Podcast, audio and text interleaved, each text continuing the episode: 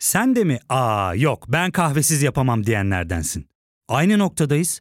İlk ve tek kahve üyelik uygulaması Frink'le tanış. Hem bütçeni koru hem de hiç bitmeyen kahvenin tadını çıkar. Uyarı. Bu podcast'te bahsi geçenler kimileri için tetikleyici olabilir.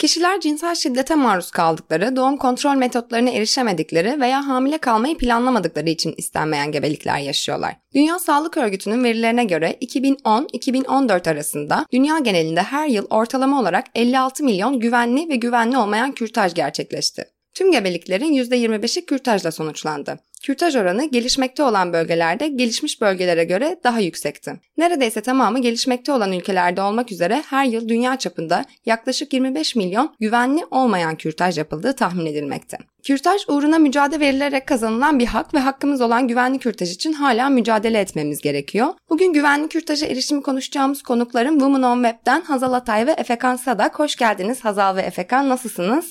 Merhabalar, iyiyim, teşekkürler. Merhabalar, iyiyim ben de, heyecanlıyım. Hoş geldiniz diyorum tekrardan. Çok teşekkürler bu bölüm için, birbirimizi bulduğumuz için hatta diyeyim. Şeyle başlamak istiyorum ben. Kürtajın bir hayli uzun olan tarihinden kısaca bahsetmeniz mümkün mü? Bu aslında çok güzel bir başlangıç çünkü şeyi vurgulamak gerçekten önemli diye düşünüyorum.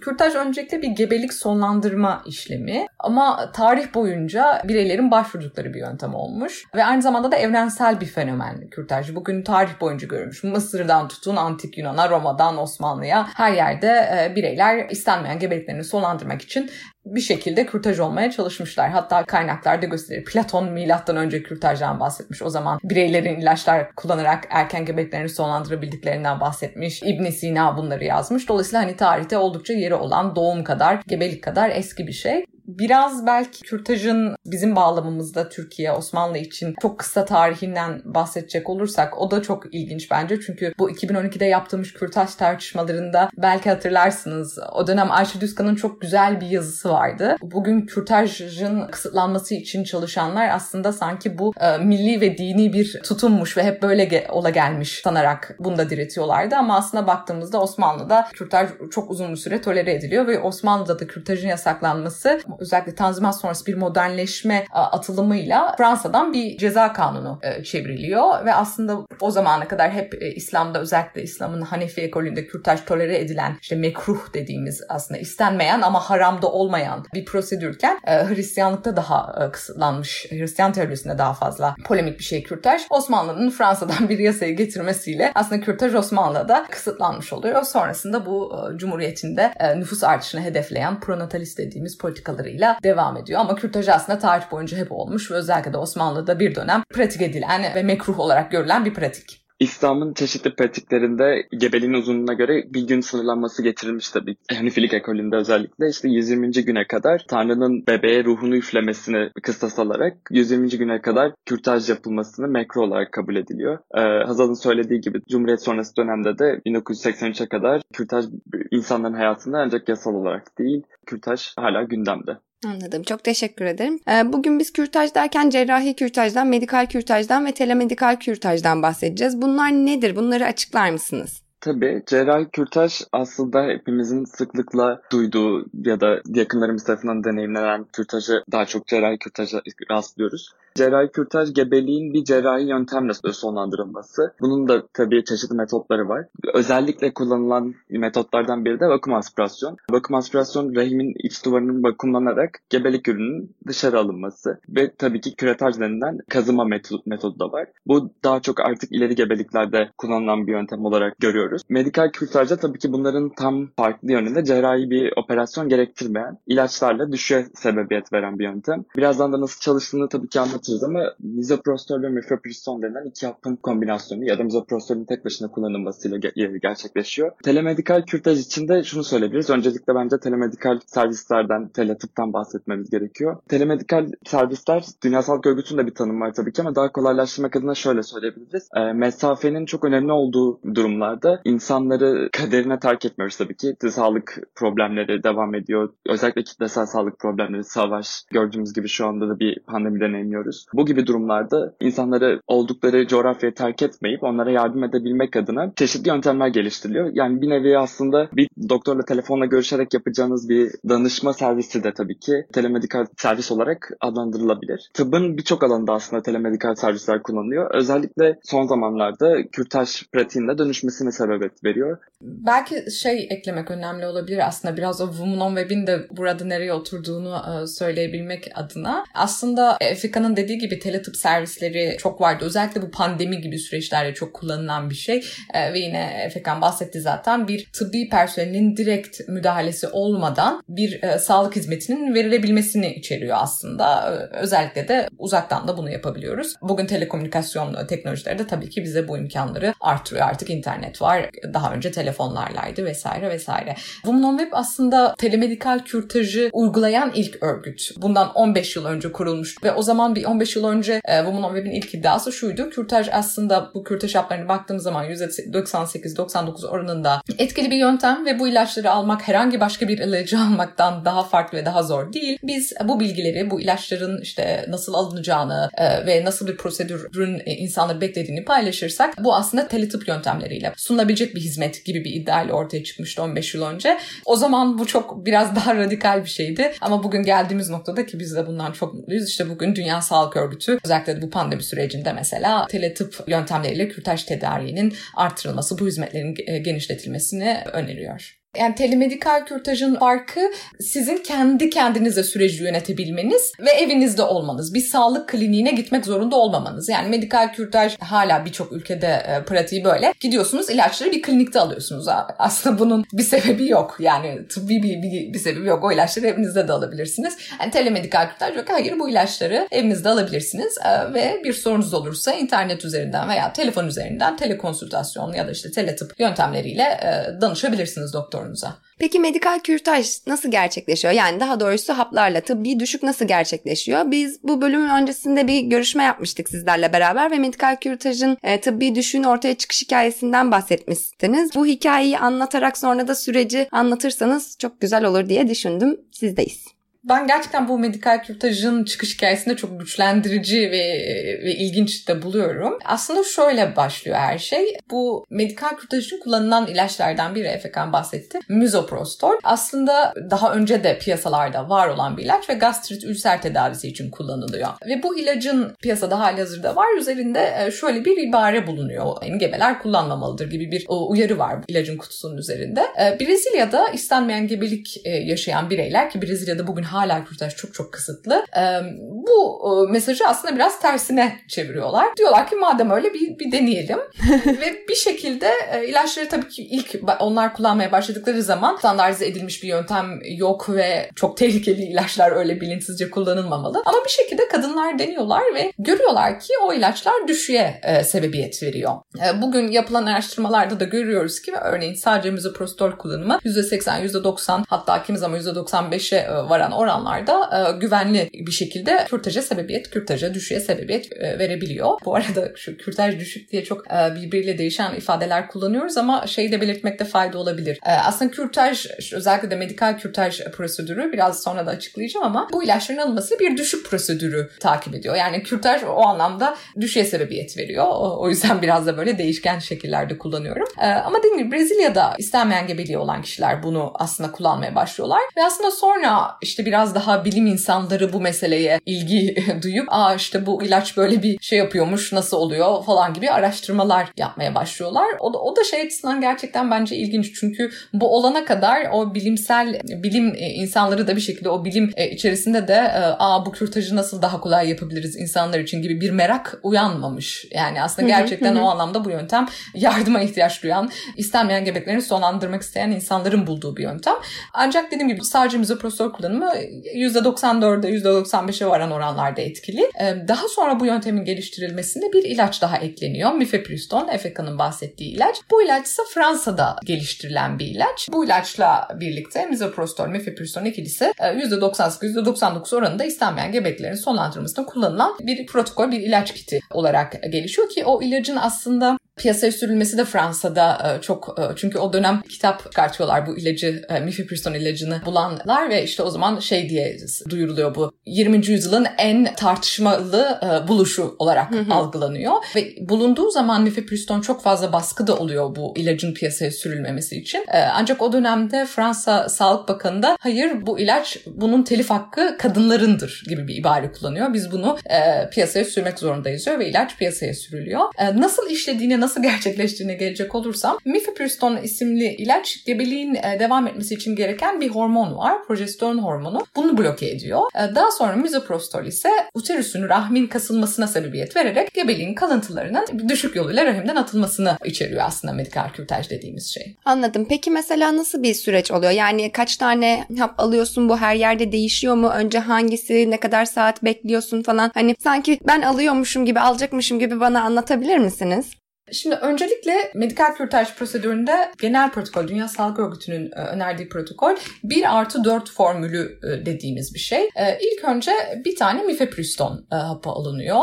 Bundan 24 ila 72 saat sonra mizoprostol alıyorsunuz. 4 adet mizoprostolü dil altında tutuyorsunuz yarım saat boyunca yaklaşık tabletler çözülene kadar. Tabletler çözüldükten sonra tükürebilirsiniz ve devam edebilirsiniz.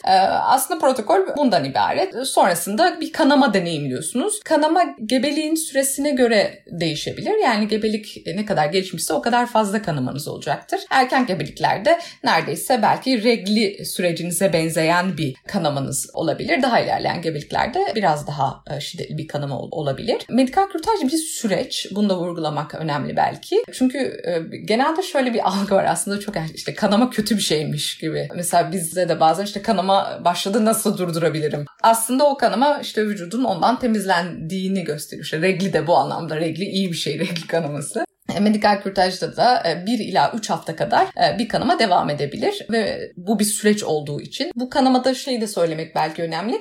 Biraz dokulu bir kanama çünkü artık daha gebelik vücuttan atıldığı için ve biz her zaman bireylere 1 ila 3 hafta sürebileceği kanamanın gebeliğin süresine göre söylüyoruz. 3 hafta sonra bir gebelik testiyle durumu kesinleştirmelerini yani kürtajın başarılı olup olmadığını kesinleştirmelerini veya bir 10 gün sonra ultrasona girerek durumu teyit edebileceklerini söylüyoruz. Bunun sebebi de neden hemen ultrason ultrasona girmelerini söylemiyoruz. Çünkü kürtaj bir süreç. Ondan arınması için zamana ihtiyacı var. Eğer hemen kürtaj haplarını alıp ultrasona girerseniz hala kalıntılar da görülecektir. Ee, dolayısıyla ona zaman vermeniz gerekiyor. 3 hafta sonra gebelik testi yapmasın, yapılmasını önermemizin sebebi ise kürtaj olduktan sonra gebelik belirtilerinin öncelikle vücuttan atılması yaklaşık bir hafta falan sürüyor. Ve gebelik hormonlarının da vücuttan atılması yaklaşık 3 haftayı bulabilir. Dolayısıyla aslında daha erken gebelik testi yaparsanız yanlış bir pozitif sonuç olabilir. Çünkü hala hormonlar vücutta olacaktır. Hazal'ın söylediklerine ek olarak şunu söyleyeyim ben de. Hazal mizoprostolün dil altı kullanımından bahsetti. Ama şundan da bahsetmekte bence fayda var ve bir yandan da yararlı olacağını düşünüyorum. Vajinal tablet olarak da kullanılabiliyor mizoprostol. Biz serviste başvuran insanlara genel olarak e, dil altı kullanmasını tavsiye ediyoruz. Çünkü dil altı kullanımdan sonra herhangi bir komplikasyon gelişirse ki bu nadiren görülen bir durum. Geliştiği takdirde ve bir tıbbi servise başvurduğu durumda mizoprostol kullandığını işaret edebilecek hiçbir test bulunmuyor. Yani biz genelde servise başvuranlara bu, bunları söylüyoruz. Bir komplikasyon gelir geliştiğinde yani alarm verici bir durum olduğunda mutlaka bir tıp servisine giderek durumunuzu açıklayın. İlaç kullandığınızı söylemek zorunda değilsiniz. Gebeydim ve galiba düşük gerçekleştiriyorum diyerek yardım talep edebilirsiniz. Zaten doktorlar ne yapması gerektiğini biliyor olacak. Vajinal kullanımda sadece 4 güne kadar vajina içerisinde tabletin izleri bulunabiliyor. Bu noktada tabii ki vajinal kullanımdan sonra da e, gitmeniz gerektiği durumda kadınlara eliyle vajina için temizleyip öyle gitmesini tavsiye ediyoruz. Hı hı. Çünkü e, bazı durumlarda cezalandırılabilecek bir durum olabilir. Hı hı. E, bu nedenle dikkat edilmesi gereken bir şey. Ek olarak da şunu da söylemek gerekiyor. Aslında bu prosedür deneyim açısından konuşmuyorum ama medikal olarak çok basit bir prosedür. Hatta e, bizim sıklıkla karşılaştırdığımız başka bir ilaç oluyor bu konuda. Viagra ile karşılaştırırız. Viagra 6 kat daha tehlikeli misoprostol ve mifepriston kullanımına göre. Ama Viagra'yı internetten bile sipariş edebiliyorsunuz ya da cep telefonlarınıza mesajlar geliyor değil mi? Ama misoprostol gördüğünüz üzere birazdan da bahsedeceğimiz üzere birçok ülkede erişimi sıkıntılı bir ilaç. Zaten tekrar bahsediyor oluruz onlardan. evet. Benim de şimdi neden acaba sorum geldi. Yani sen Viagra ile karşılaştırmasını yaptın. Hazal birazcık demin bahsetti. Hem çok çığır açan bir ilaçtı hem çok tartışmalı bir ilaçtı. Hem de bir sürü insanın güvenli bir kürtaj yöntemi olarak aklına gelmemiş bir ilaçtı bu. E, çünkü bunun bazı nedenleri var. Tıbbi düşük diye bilinen medikal kürtajın güçlendirici olabilecek yönleri neler? Bence bunun nedenleri bunlar. Birazcık da bundan konuşalım istiyorum. Sizdeyim. Şimdi bir e, gerçekten Dünya Sağlık Örgütü de bunu böyle söylüyor. İşte tıbbi düşük, güvenli, ekonomik ve e, bireylerin otonomisini arttırabilecek bir yöntemdir evet. gibi bir, bir duruş var artık Dünya Sağlık Örgütü'nün. Bunu biraz açacak olursak hani güvenli e, olduğunu zaten biliyorduk. Bir de tabii ki cerrahi kürtaj adı üzerinde işte bir cerrahi işlem var. Birden fazla çoğu zaman tıbbi personel olması gerekiyor. İşte anestezi olması gerekiyor vesaire vesaire. Bir daha fazla aranjman gerektiren bir şeyken tıbbi düşük aslında haplarla al- alıyorsunuz.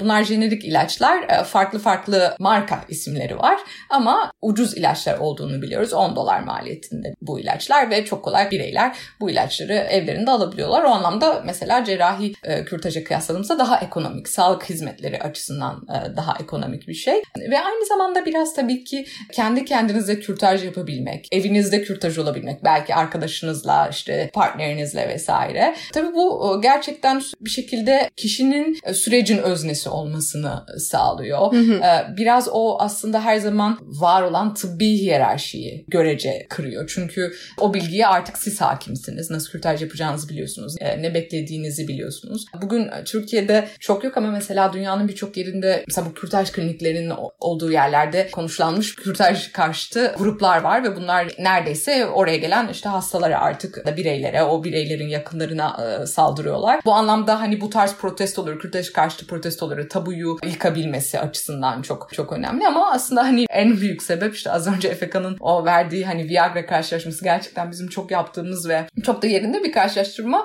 Ee, hani medikal kürtaj tıbbi düşük yöntemi gerçekten kürtajı erişimi arttırma potansiyeli olabilen bir yöntem. Biraz da bu sebeple e, engelleniyor herhalde. Hazal'ın söylediklerine ek olarak şunu söyleyebilirim. Women Map bu servisi sağlamanın yanı sıra tabii ki bir hak savunuculuğu da yürütüyor ve Hazal'la en baştan beri konuştuğumuz bir şey olarak da şu şunu her zaman vurguluyoruz. Aynı zamanda bu düşük hapları nasıl kullanacağını bilgisini biraz da demedikalize etmeye çalışıyoruz. Çünkü kadınların her zaman kendinden menkul bir bilgisi var ve bunları birleştirerek kullanmaları daha sağlıklı bir sonuç elde ediyor. Ve Hazal'la da sıklıkla konuştuğumuz bir şey var. Yani neden kadınlara bu konuda güvenmiyoruz? Ama yapılan birçok araştırma var ve bir tanesi önümde onu söyleyebilirim. Çin, Küba ve Hindistan'da yapılan bir araştırmada mifepriston ve misoprostol kombinasyonunda yapılan medikal düşükte 222 kadın üzerinde denenmiş bir çalışmada kadınların birçoğu neredeyse tamamı düşük sürecinin doğru bittiğini, tamamlandığını bildirebilmişler. Sadece %10'luk bir kesme tam olarak saptayamamışlar ne zaman bittiğini. Ama bence e, burada daha da önemli olan bir veri şu. Bu %10'luk kısım ise bu yanılsama onları profesyonel bir sağlık hizmetine yönlendirmiş. Ve bu bağlamda da çok önemli. Yani kadınlar e, hayatlarını tehlikeye atmıyor bunu dene, deneyimlerken sadece erişebilecekleri hali hazırda bir sağlık servisinin olmasını talep ediyorlar. Yani yine Amerika'da yapılan bir çalışmada da e, medikal kürtaj deneyimleyen kadınların birçoğunun hiçbir fiziksel muayene gerektirmeden gebelik kesesinin atıldığını görüp kürtajın tamamlandığını söylemişler. Yani bu bağlamda da bu bilgi, bu çalışmalar çok önem taşıyor. Çünkü kadınlar gerçekten kendi vücutlarını biliyorlar ve ne deneyimlediklerini de biliyorlar. Bundan önce de düşük deneyimliyorlardı ve tabii ki her zaman deneyimli olacaklar. Bu bağlamda kadınlara güvenmek de zaten Umnon Web'in de böyle böyle bir politikası var. Biz kadınlara güveniyoruz gibi bir politikası var. Bunun çok önemli olduğunu düşünüyorum. Belki medikal kürtajın nasıl tamamlandığına ek olarak da şunu söyleyebiliriz. Birçok hamilelik belirtisi geri çekilmeye başlıyor bir hafta içerisinde. Örneğin sabah bulantıları, tuvalete çıkma isteği gibi belirtiler geri çekilmeye başlıyor. Bazen kadınlar komplikasyon deneyimleyebiliyorlar ve bu komplikasyonları deneyimledikleri durumda sağlık hizmetlerine ulaşmaları çok çok önemli. Ben de Efeka'nın söylediklerine bir şey ekleyebilir miyim? Çünkü bence çok önemli bir noktaya değindi. Özellikle bu bilgiye erişim meselesi ve bu anlamda yine hani bizim için önemli olan bir şeydi. Bu bilgi zaten hani bir şekilde kürtaj işte düşük tetikleme bilgileri bir şekilde vardı çeşitli gruplar içerisinde ama e, işte bu bir şekilde daha medikalize e, ediliyor bu tıbbi düşük prosedür sektörünün işte özellikle ilaçlar bunlar farklı farklı artık odaklar işin içine girdikten sonra ama bunu demedikalize etmek e, aslında oldukça önemli ya da en azından bu bilgiye erişimi sağlamak. Çünkü bu, bu anlamda mesela bizim bir e, Portekiz'de yaptığımız bir kampanya vardı. Daha sonra belki daha detaylı anlatırım ama orada çok önemli bir karar almıştık örgüt olarak. Bir gemi kampanyası yapılıyordu ve Portekiz hükümeti e, bu gemi orada kürtaj hizmetleri sağlayacaktı ve Portekiz hükümeti bu geminin ülkeye girmesine izin vermiyordu ve o zaman Portekiz'de kürtaj kısıtlıydı. Daha sonra bu gemi kampanyasından hemen sonra e, yani kısa bir süre sonra kürtaj yasallaştı. O anlamda da bizim için güzel de bir e, evet, güzel bir aslında değişimin bir parçası olmaktı bizim için. Çünkü tabii ki e, bizden önce bu konuda çalışan bir sürü örgüt vardı ama biz de onun bir parçası olmuştuk bir şekilde. Orada Women on Web'in kurucusu Rebecca Gumpert bir e, sabah programına çağrılmıştı. Biraz böyle bizim sabah sabah Seda Sayan tarzı bir programdı bu. Ve orada Rebecca e, aynı biz sana az önce sen de bize o soru sordun. Bireylerin bu ilaçları nasıl kullanabileceğini anlattı canlı yayında. Ve bu mesela çok e, önemli bir karardı. Çünkü çok ana akım bir programda hı hı. kürtajla ilgili çok önemli bir, çok pratik bir bilgiyi aslında tekrar insanlara sunabilmek. Yani bunu çok tıbbi bir dille daha komplike yapmadan basit bir dille insanlara anlatabilmek önemli bir şey. Bizim için hala da önemli. Yapmaya çalıştığımız bir şey. Peki güvenli ve güvenli olmayan kürtaj derken nelerden bahsediyoruz? Güvenli kürtaja erişememek ne anlama geliyor ve ne sonuçları olabiliyor? Genelde evet hep bu bir güvenli ve güvenli olmayan kürtaj diyoruz. Çünkü şu bir gerçek artık hani en başta da onunla başlamıştık ya biraz yani kürtaj her zaman vardı, her yerde var ve kürtaj yasakları kürtajın gerçekleşmesini engellemiyor. Dolayısıyla kürtajın kısıtlandığı yerlerde güvensiz kürtajlar, güvenli olmayan kürtajlar gerçekleşiyor. Daha işte bugün dünya haritasına baktığınızda nerede kürtaj yasağı varsa orada güvensiz kürtajlar var. Dolayısıyla bireyler eğer kürtaja erişemiyorlarsa bir şekilde güvensiz yöntemler, işte merdiven altı yöntemlerle kürtaj kürtaj e, yapmaya çalışıyorlar. Kimi zaman tabii sadece bu kürtajın kısıtlı olduğu ülkelerde değil aynı zamanda kürtajın çok pahalı olması, e, sigorta kapsamında alınmaması mesela örneğin Amerika'da, Kanada'da kimi zaman bunlar önemli sorunlar. Çünkü inanılmaz bir sağlık eşitsizliği yaratıyor o anlamda. Çünkü çok daha sağlık hizmetlerinin özelleştirildiği yerler bunlar. Türkiye'de de aslında baktığımızda bu biraz bir sorun. Çünkü Türkiye'de de devlet hastanelerinde kürtaja erişim oldukça kısıtlı. Birçok devlet hastanesi bugün biliyoruz ki yanlış hatırlamıyorsam %8'i Türkiye Türkiye'deki devlet hastanelerinin kürtaj hizmetleri e, sunuyor. Geri kalan hizmetlerin birçoğu özel sektöre atılmış durumda. Bu da ne demek? Maddi durumu iyi olan bireylerin e, gebeliklerini sonlandırabileceği ama eğer e, maddi durumunuz iyi değilse bu hizmete erişemeyeceğiniz anlamına geliyor. Dolayısıyla bu da kesinlikle hani kürtaj yasal olsa da hizmetlerin yetersiz kaldığı, sağlık güvencesiyle karşılanmadığı durumlarda güvensiz kürtajlara sebebiyet yine verebiliyor.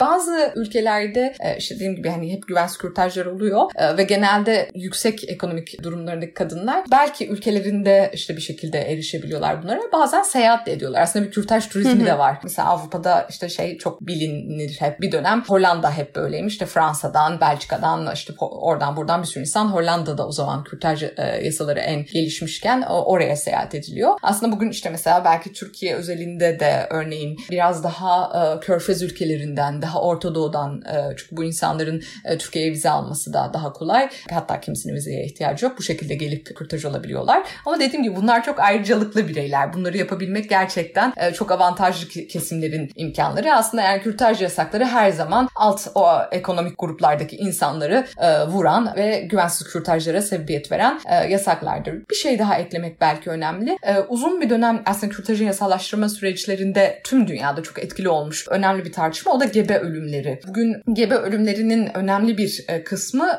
güvensiz kürtajlarla ilişkin komplikasyonlardan kaynaklanıyor. Yani bireyler bir şekilde güvensiz merdiven altı yöntemlerle kürtaj olmaya çalışırken çeşitli komplikasyonlar deneyimliyorlar ve bunlar gebe ölümlerine sebebiyet veriyor ve aslında tüm dünya olarak kürtajın yasallaştırılmasıyla gebe ölümlerinin ciddi oranda azaldığını gözlemlemiş olduk. Dolayısıyla gebe ölümleri de bunun bir sonucu kürtaj yasaklarının. Hazal'ın söylediğine ek olarak ben de geçen gün çok ilginç bir bilgi okudum. Kürtaj Türkiye'de yasallaşmadan önce yapılan bir araştırmada verem o dönem senede 25 bin insanı öldürüyormuş ve güvenli olmayan kürtaj e, yöntemleri nedeniyle gerçekleşen düşük komplikasyonları sebebiyle ölen kadın sayısı 15 bin. Yani bu dönem için oldukça yüksek bir rakam. Tabii ki kürtajın yasallaşması ve tabii ki yasallaşmasının yanı sıra erişilebilir olması ölümleri de azaltıyor.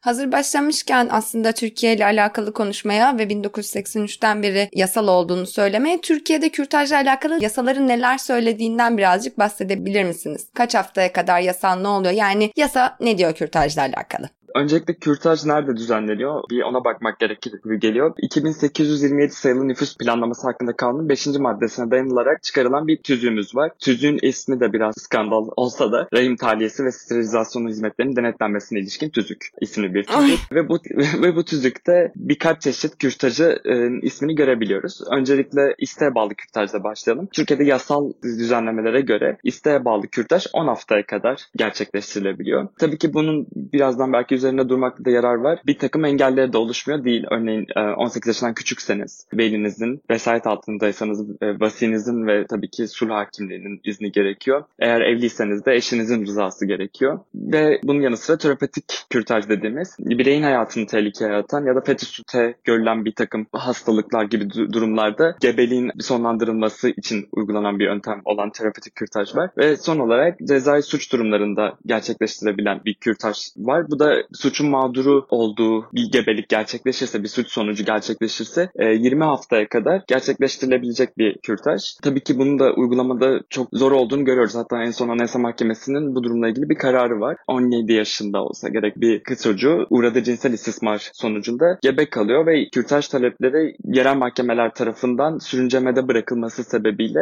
doğum gerçekleştiriyor. Ve Anayasa Mahkemesi bildiğim kadarıyla bugüne kadar verdiği en yüksek tazminatı hükmetti. Aynı zamanda tabii ki kişinin maddi manevi varlığını geliştirmesi bakımından da hak ihlali tespit etmiş oldu. Ya fark ettin mi? Biz en çok kahveye para harcıyoruz. Yok abi, bundan sonra günde bir. Aa, sen Frink kullanmıyor musun? Nasıl yani? Yani kahvenden kısmına gerek yok. Frink'e üye olursan aylık sadece 1200 TL'ye istediğin çeşit kahveyi istediğin kadar içebilirsin. Günlük 40 TL'ye sınırsız kahve mi yani? Çok iyiymiş. Aynen. Hatta şu anda 200 TL'lik bir indirim kodu da var. E hadi hemen indirip üye ol da bu fırsatı kaçırma. Kürtajda aslında bir zamansal bir şeyden bahsettiğimizde belki belirtmek gerekiyor. Bu noktada bunlar gerçekten önemli oluyor. Yani ıı, öznenin değil de başkasının kararına bırakılamayacak kadar zamanın belirleyici ve önemli olduğu bir süreç. Gebelik süreci. Ee, senin başka ekleyeceklerin var mı Hazal yasayla alakalı Türkiye'deki? Yasayla alakalı belki bu ıı, hani sen de çok benzer bir tepki verdin. Bu yasanın ismi her, gerçekten her seferinde böyle bir yani çok çok teknik bir isim ama belki biraz şey de yansıtıyor aslında Türkiye'nin yasa, o yasallaşma sürecini de yansıtıyor. Çünkü Türkiye'de kürtajın yasallaşması çok teknik bir yerden, çok kamu sağlığı, çoğunlukla uzmanların hatta neredeyse sadece uzmanların dahil edildiği bir yasallaşma sürecine giriyoruz. Yani birçok yerde de böyle olmuş o, o dönem kürtaj e, yasallaşmaları. O yüzden hani çok Türkiye özgü bir şey değil ama şey karşılaştırmasını ben biraz yine ilginç buluyorum. Yani rahim tahliyesi böyle bir uzay operasyonu gibi çok korkunç bir şey. Yani hiçbir birey gidip de e, ben rahmimi tahliye ettirdim demez yani kürtaj olduktan sonra. Mesela Fransa'daki yasanın ismi gebeliğin e, isteğe bağlı sonlandırılması. Şimdi o yasanın aslında ne kadar birey perspektifinden ne kadar işte mesela kürtaj bile geçmiyor aslında yasanın içinde. Yani ne diyor ya istenmeyen bir gebelik var ve orada bir bireyin bir e, tercihi var ve bunun için gebelik sonlandırılıyor. Yasanın ismi buyken bizde çok teknik bir yerde. E, bir de tabii şey de çok önemli. Bu yine Efeka'nın bahsettiği yasaya erişimin bir üçüncü kişi iznine tabi tutulması. Yani işte örneğin eşin iznine alma bu tabii ki her şeye yani çok yanlış, çok ters bir şey. Yani bu, bu yasanın bir şekilde şeyini e, kontrolü yine erkeklere verilmiş oluyor. Bir de Türkiye'de kürtaj fiilen yasak deniyor. Bu ne demek? Türkiye'de güvenli kürtaja erişimi zorlaştıran düzenlemeler neler? Uygulamada neler oluyor? Evli olan kişilerin eşlerinin izninin olması gerekliliğinden bahsettiniz. Devlet hastanelerinin kürtaja yanaşmamasından %8 gibi bir oranın kürtaj yapmasından bahsettiniz. Bununla alakalı başka neler oluyor? Ee, birincisi bu medikal kürtaj tıbbi düşük dediğimiz prosedürün Türkiye'de henüz ruhsatlandırılmamış, henüz izin verilmemiş olması ve bunun aksi gibi bu e, yöntemin e, yayılmasına karşı adımlar atılmıştı Türkiye'de. Örneğin 2012 yılında tam işte aslında biz o dönem tartışmaları yaparken Türk Eczacılar Birliği mizoprostol etken maddeli ilacı amaç kullanıldığı gerekçesiyle birinci derece eczanelerden topladığını duyurmuştu. Dolayısıyla bir şekilde bu ilaçlara erişimin e, azaldığını hani bir yandan insanlar arasında bu bilgi büyürken işte belki Brezilya'da bahsettiğimiz gibi ya bakın bu ilaç aslında düşe tetik veriyor bilgisi büyürken bir şekilde bunun farkında olan ve bunu buna bu erişimi e, önleyen bir iktidar odağı var. Şunu da söylemek lazım. E, Women on Web'in web sitesi de aslında Türkiye'de sansürlendi. 2016 yılında e, sansürlendi. Bu da aslında biraz işte biz bilgiye erişim neden önemli diye anlatmaya çalışırken yani burada da bu bilgiye erişimin engellenmeye çalışıldığını kasti olarak yani bu, bu tıbbi bilgiye e, erişimin engellenmeye çalışıldığını görüyoruz. Yine önemli bir şey belki dünyadaki uygulamalara baktığımızda örneğin Hollanda'da aile hekimleri kürtaj yapabiliyor. Fransa'da ebeler kürtaj yapabiliyor. Dolayısıyla kürtaj e, hizmetini sadece işte jinekologlar ya da işte kadın doğum uzmanları vesaire gibi uzman hekimler değil farklı konumdaki tıbbi personelle de bu imkanı sayıyorlar. Bunun e, amacı ne? Bunun amacı tabii ki kürtaja erişilebilir kılmak bu ülkelerde. Şimdi Türkiye'de böyle bir şey yok. Türkiye'de sadece uzman hekimler bu e, şeyi yapabiliyor. İşte jinekolog ya da kadın doğum uzmanı vesaire gibi hekimler e, bu hizmeti verebiliyor. Bu şöyle bir sonuç doğuruyor tabii ki. Örneğin çok kırsal kesimlerde sadece sağlık ocaklarının olduğu yerleri düşünürsek buralarda jinekolog falan olmaz. Buralarda bir aile hekimi olur işte ya da bir ebe olur vesaire. Dolayısıyla bu insanların kürtaja erişmesi için büyük şehirlere gitmesi gerekiyor. E, eğer ulaşım imkanları yoksa bu insanların bir şekilde kürtaja erişemeyeceği anlamına geliyor ya da tekrar işte konuştuğumuz gibi güvensiz yöntemlerle kürtaj yapmaya çalışacakları anlamına geliyor. Dolayısıyla e, bir de bu uygulama da önemli. Yani aslında e, kürtaj hizmetini sağlayacak tıbbi personel havuzunun genişletilmesi kürtaja erişiminde artması anlamına gelir. Bu anlamda da Türkiye özellikle Türkiye'deki politika sıkıntılı. Türkiye'de çok fazla karşımıza çıkmasa da e, dünyada özellikle Avrupa'da yasaların doktorlara vermiş olduğu vicdani red hakları var. Bir kürtaj operasyona katılmama, bunu vicdanen reddetme, reddetme gibi bir e, hakları var. Türkiye'de bunu doğrudan bir yasa e, doktorlara bu hakkı vermiyor. Ama dönüp baktığımızda 2003 yılında yürürlüğe girmiş Sağlıklı Dönüşüm Programı e, diye bir program var ve bu programda performansların puanlandırılması söz konusu ve kürtajın buradaki yeri negatif puanlama olarak doktorlara geri dönüyor ve aynı zamanda doktorların medikal pratikleri esnasında verebilecekleri zararlardan dolayı sahip oldukları bir meslek sigortası var ve kürtaj bu kapsamda sayılmıyor. Bu nedenle doktorların uygulamada bundan kaçtığını da gözlemliyoruz. Çünkü hem kendi adlarına bir korumaları yok hem de dediğim gibi bu onlara bir negatif puan olarak geri döndükleri için genel olarak bundan e, kaçıyorlar ve tabii ki buna stigmatik bir şekilde fişlenme korkusu gibi korkular da ekleniyor. Türkiye'de her ne kadar kürtaj yasal olsa da ki bunu da vurgulamak önemli. E, kürtaj Türkiye'de yasal ama tüm bu uygulamalar sebebiyle bir fiilen yasak durumunda yaşıyoruz. Peki kürtaja yönelik olumsuz söylemler neler? Bunlar kimler tarafından nerelerde üretiliyor ya da yeniden üretiliyor ve nelere neden oluyor?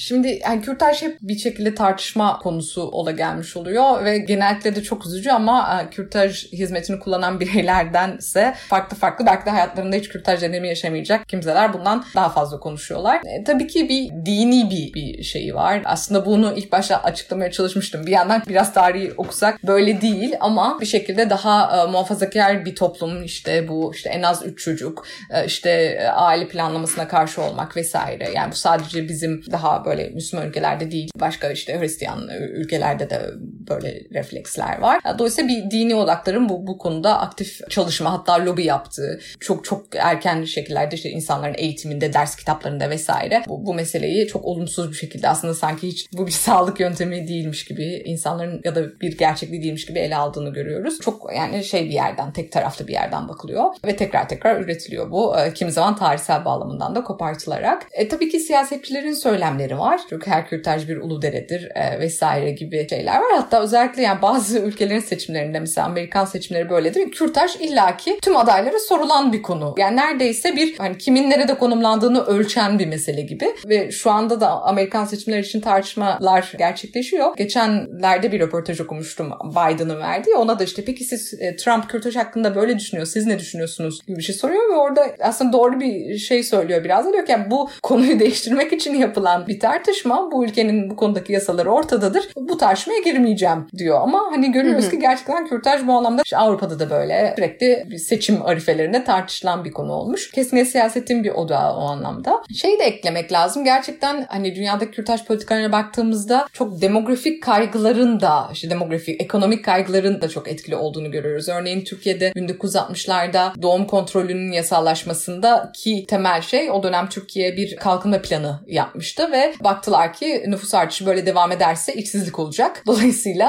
e, buna el atılması gerekiyor. Dolayısıyla böyle demografik yani yine siyasetin bir konusu ama aynı zamanda ekonomide bir konusu olacak e, meseleler işte ona göre pronatalist ya da hani doğum yanlısı veya doğum karşıtı politikalar olduğunu e, görüyoruz. E tüm bunlar tabii yani bu kadar kürtajın aslında temel bugün Dünya Sağlık Örgütü'nün de duruşu bu. Kürtaj temel bir sağlık hizmeti olarak kabul ediliyor. Bu kadar hani bunun tartışma konusu yapılması tekrar tekrar her seçimlerde işte her sene bir şekilde tartışılması tabii ki kürtajı stigmatize ediyor. Temel gebekliğini sonlandırmak isteyen bireylerin o deneyimlerini de yalnızlaştırıyor. Bir şekilde onların e, dışlanmış hissetmelerine sebebiyet veriyor ve aslında işin tıbbi e, yanını, işin ne kadar işte önemli ve temel bir sağlık hizmeti olduğunu da görmezden geliyor. Tam bu noktada Sedef Erkmen'in son kitabına referans vermek istiyorum. Çünkü o da bu konuyu derinlemesine inceliyor kitabında. Sedef Erkmen, Karabük Üniversitesi'nde öğretim görevlisi. İlk kitabı Türkiye'de Kürtaj ve AKP ve Biyopolitika kitabında özellikle Erdoğan'ın her kürtaj bir Uludere'dir sözünü sorusallaştırıyor ve aslında bize birçok şey söylediğini altını çiziyor. Öncelikle şuradan başlamak daha mantıklı olabilir. Herhalde AK Parti dönemiyle birlikte Avrupa Birliği'ne uyum süreciyle birlikte görece daha alımlı olan pratikler günümüze doğru daha da şiddetleniyor ve tabii ki her kürtaj bir Uludere'dir gibi bir söylem üretiyor. Sedef Erkmen kitabında e,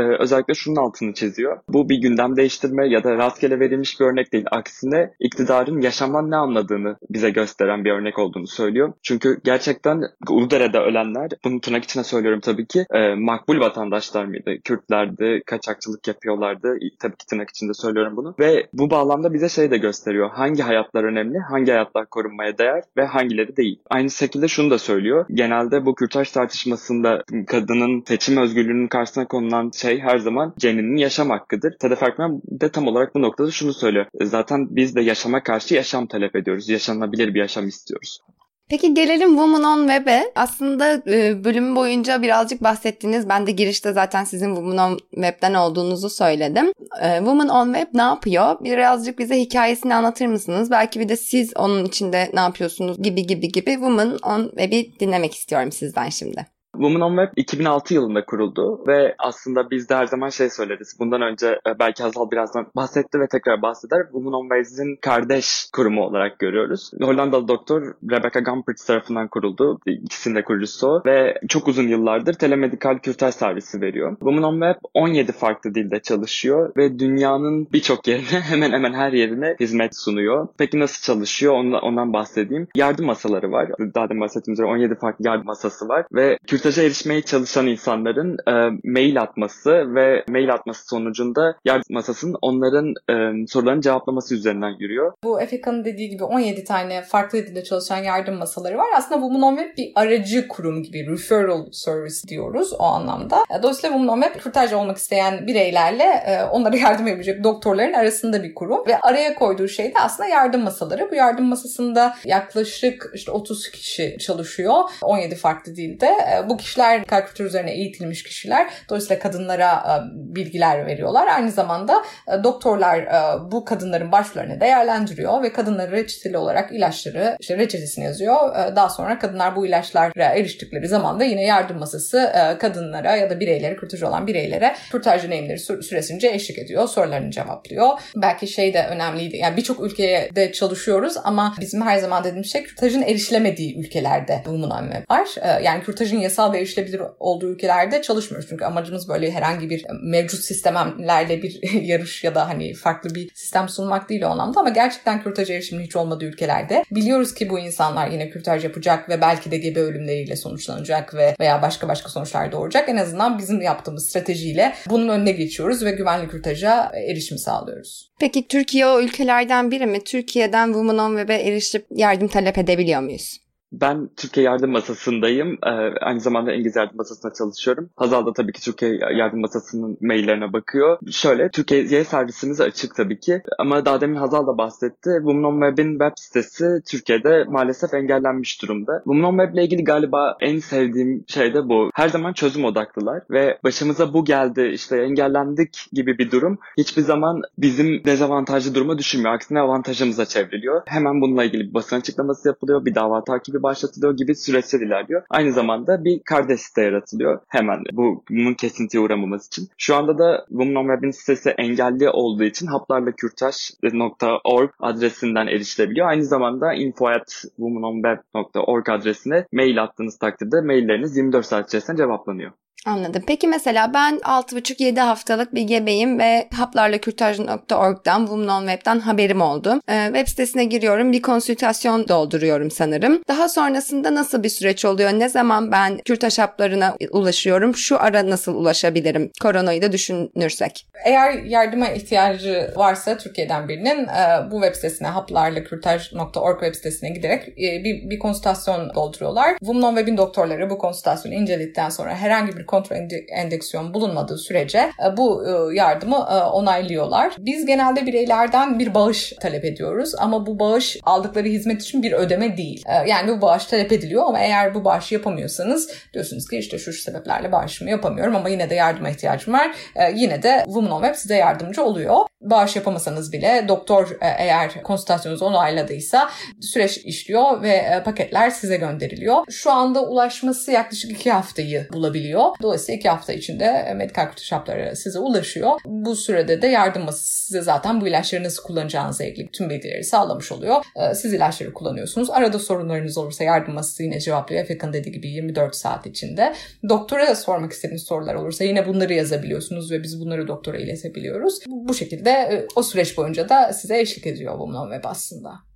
Peki 18 yaş altı kişiler bu servisten yararlanabiliyorlar mı? Yardım talebi de bulunabiliyorlar mı kendi başlarına? Evet, eğer 18 yaşından küçük bir başvuran varsa bunları genelde biraz daha özel ele alıyoruz. Örneğin yakın bir dönemde böyle bir durum vardı. Malta'dan 14 yaşında bir kız ve Malta'da kürtaja erişim yok. Genelde işte bu yine kürtaj yasayla ilgili konuşurken şey ilgili mesela Malta'da kürtaj kısıtlı ama insanlar ya İngiltere ya da yakın İtalya'ya gidip kürtaj oluyorlardı ama korona artık bu da mümkün değil.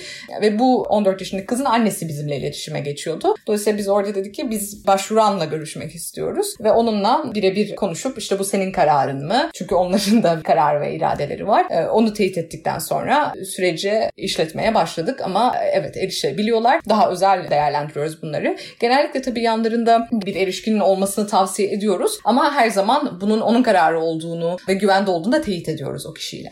E, Women on Web Türkiye'de şimdiye kadar kaç medikal kürtaj için konsültasyon başvurusu aldı? Kaçında ne yapabildi? Veriler bize neler söylüyor? Belki yıllar anlamında değerlendirdiğimizde bir şey söylüyordur, korona süreci bir şey söylüyordur. Bunu merak ediyorum. Women Web web sitesi aslında Türkçe'ye 2012-2013 yıllarında çevrilmişti ve Women Web'in yasaklanması da 2016 yılındaydı. 2016'dan önce yılda normalde Women Web web sitesine bir 300 bin kişi ziyaret ediyordu Türkiye'den. Bu aslında oldukça önemli bir rakam. Bu rakamı vermemin sebebi de hani sadece başvuranlar dışında bu bilgiyi de paylaşmak önemli. Yani Kesinlikle. bunun da e, çünkü biz o, o ilk bu çeviriler yapıldığı dönemde de aslında bilinmiyordu e, tıbbi düşük medikal kurtarıcıda bu ilaçlar Türkiye'de. Yani feminist çevrelerde de çok bilinmiyordu hatta. Dolayısıyla o önemli. Aslında çok ciddi bir erişimi vardı ama 2016'da web sitesinin tabii ki sansürlenmesi bunu ciddi oranda durdurdu. 2012-2016 ee, arasında günde yaklaşık iki başvuran vardı Türkiye'den. Ancak daha sonra şu an çok çok daha az. Çünkü işte şu an başka bir web sitesi açtık. Aynı zamanda bireylere e, uygulama var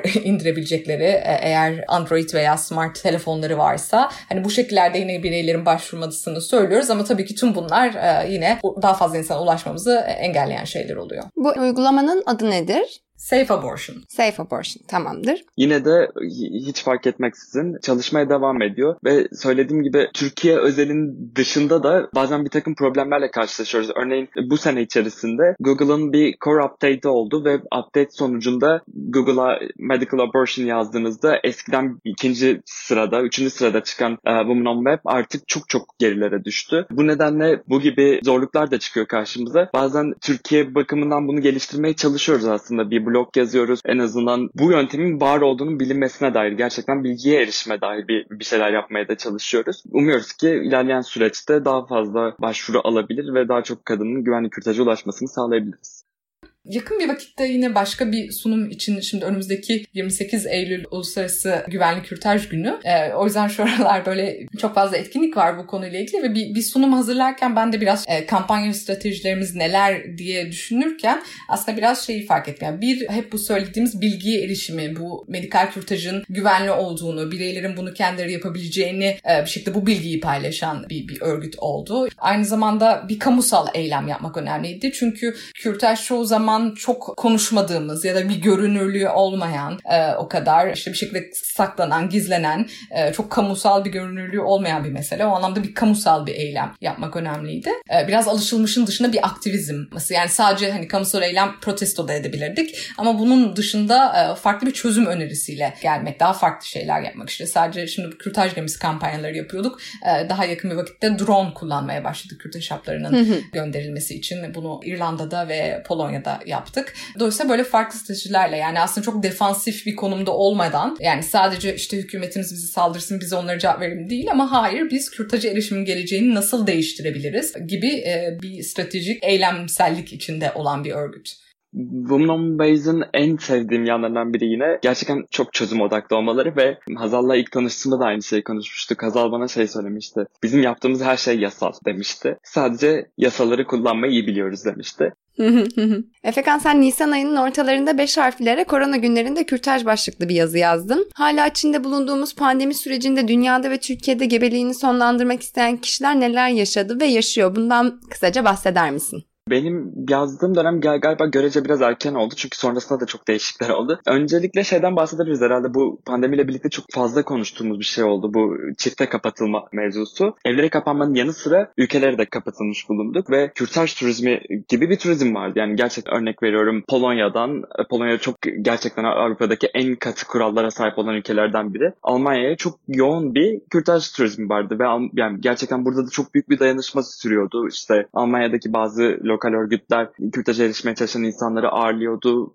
Evlerinde yani onlar için misafirhaneler gibi şeyler oluşturmuşlardı. Genel olarak böyle bir turizm yaşanıyordu ve tabii ki pandemiyle birlikte sınırların kapatılmasıyla birlikte o ülkenin kurallarına, yasalarına da hapsolmuş bulunduk ve bu birçok açıdan problematikti. Aynı zamanda ülkenin yasasına hapsolmuşken evlere de hapsolmuştuk. Çok yakın bir, bir, bir sağlık kuruluşuna kürtaj için gidemeyecek durumdaydık. Çünkü işte sosyal mesafeyi deneyimliyorduk, uzak durmaya çalışıyorduk. Peki bu noktada ülkeler ne yaptı? Belki ondan bahsetmek gerekiyor. İngiltere'de kürtaj yasal ve mesela İrlanda'dan İngiltere'ye çok fazla bir yoğunluk vardı kürtaj turizmi bakımından. Bununla birlikte Kuzey İrlanda'da British Pregnancy Advisory Service vardı ve onlar şunu söyledi. İngiltere'ye gitmenize, seyahat etmenize gerek yok. Haplar evlerinize gönderilecek gibi bir şekilde medikal kürtajı uygulamaya açmış bulundu. Bazı ülkelerde mesela Fransa'da, Hollanda'da yani çok uzun zamandır e, medikal kürtaj yapılabiliyordu. Fransa bu süreyi uzattı. Yanlış hatırlamıyorsam 6 haftadan 8 haftaya mı çıkardı Hazal?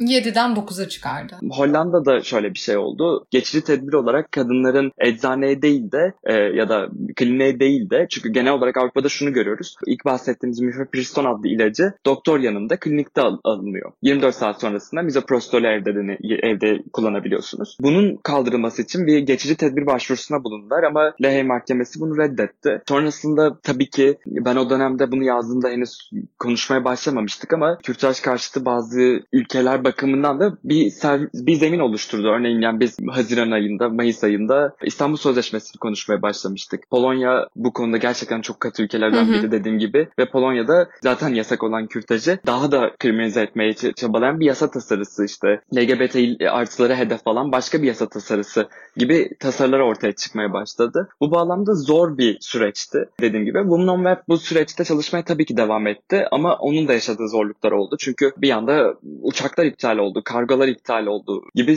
sorunlar da yaşadık. Tabii ki elimizden ne geldiğince o süreçte de servisi açık tutup yardımcı olmaya çalıştık. Ama tabii ki Women Web de çok zorlu bir süreçten geçti bununla birlikte.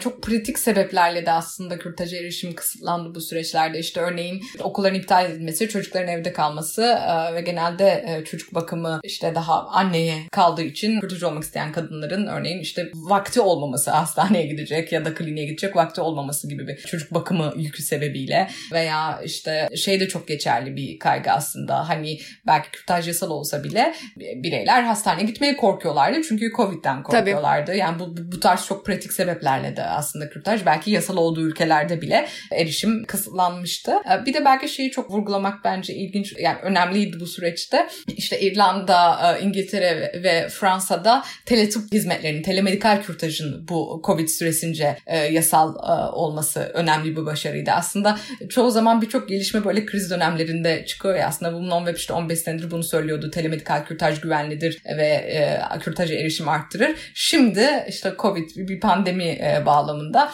ülkeler buna e, izin verdiler. Fransa e, normalizasyon sürecinden sonra bu geçici tedbiri geri kaldırdı. Şu an tekrar e, Fransa'da kürtaj olmak için kliniğe gitmeniz gerekiyor. İngiltere'de telemedikal kürtaj devam ediyor. Ama bir yandan da Fransa'da şey bile çoktan başladı. E, biz kendi kendimize kürtaj olabiliyorsak ve buna bir kez izin verdiyseniz şimdi ne oluyor da neye dayanarak bu e, hakkı elimizden alıyorsunuz? Bakalım bundan sonra bu anlamda nasıl bir hak savunuculuğu e, süreci işleyecek ama e, bunlar da önemli kazanımlarıydı aslında.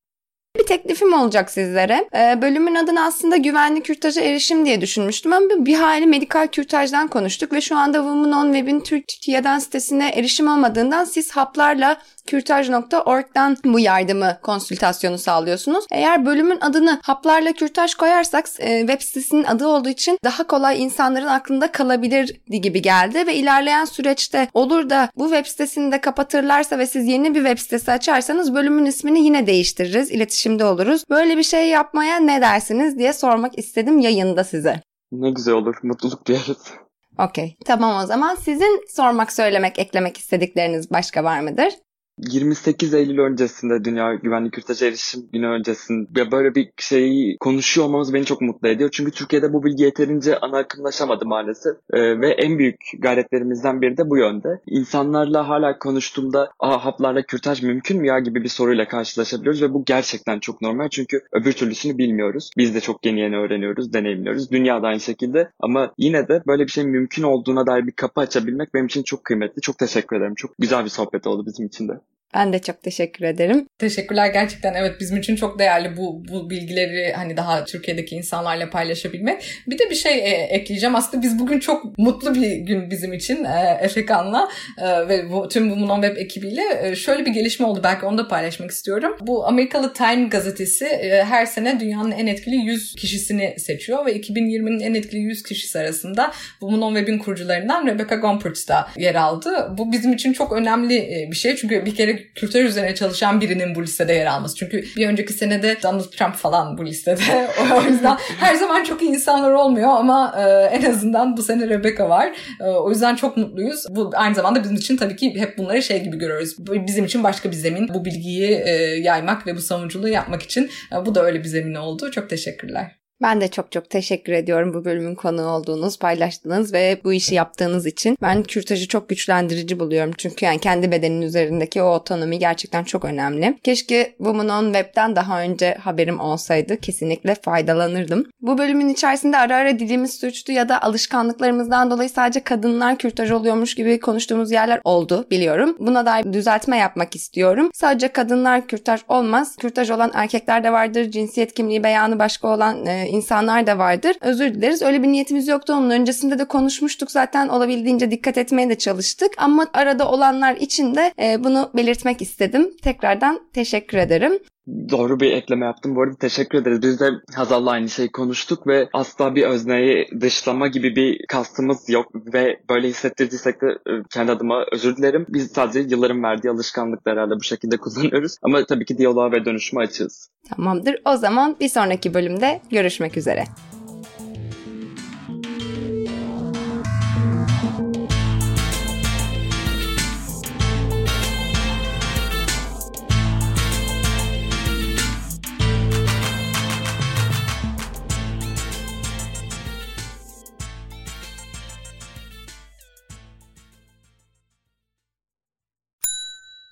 İlk ve tek kahve üyelik uygulaması Frink, 46 ildeki 500'den fazla noktada seni bekliyor.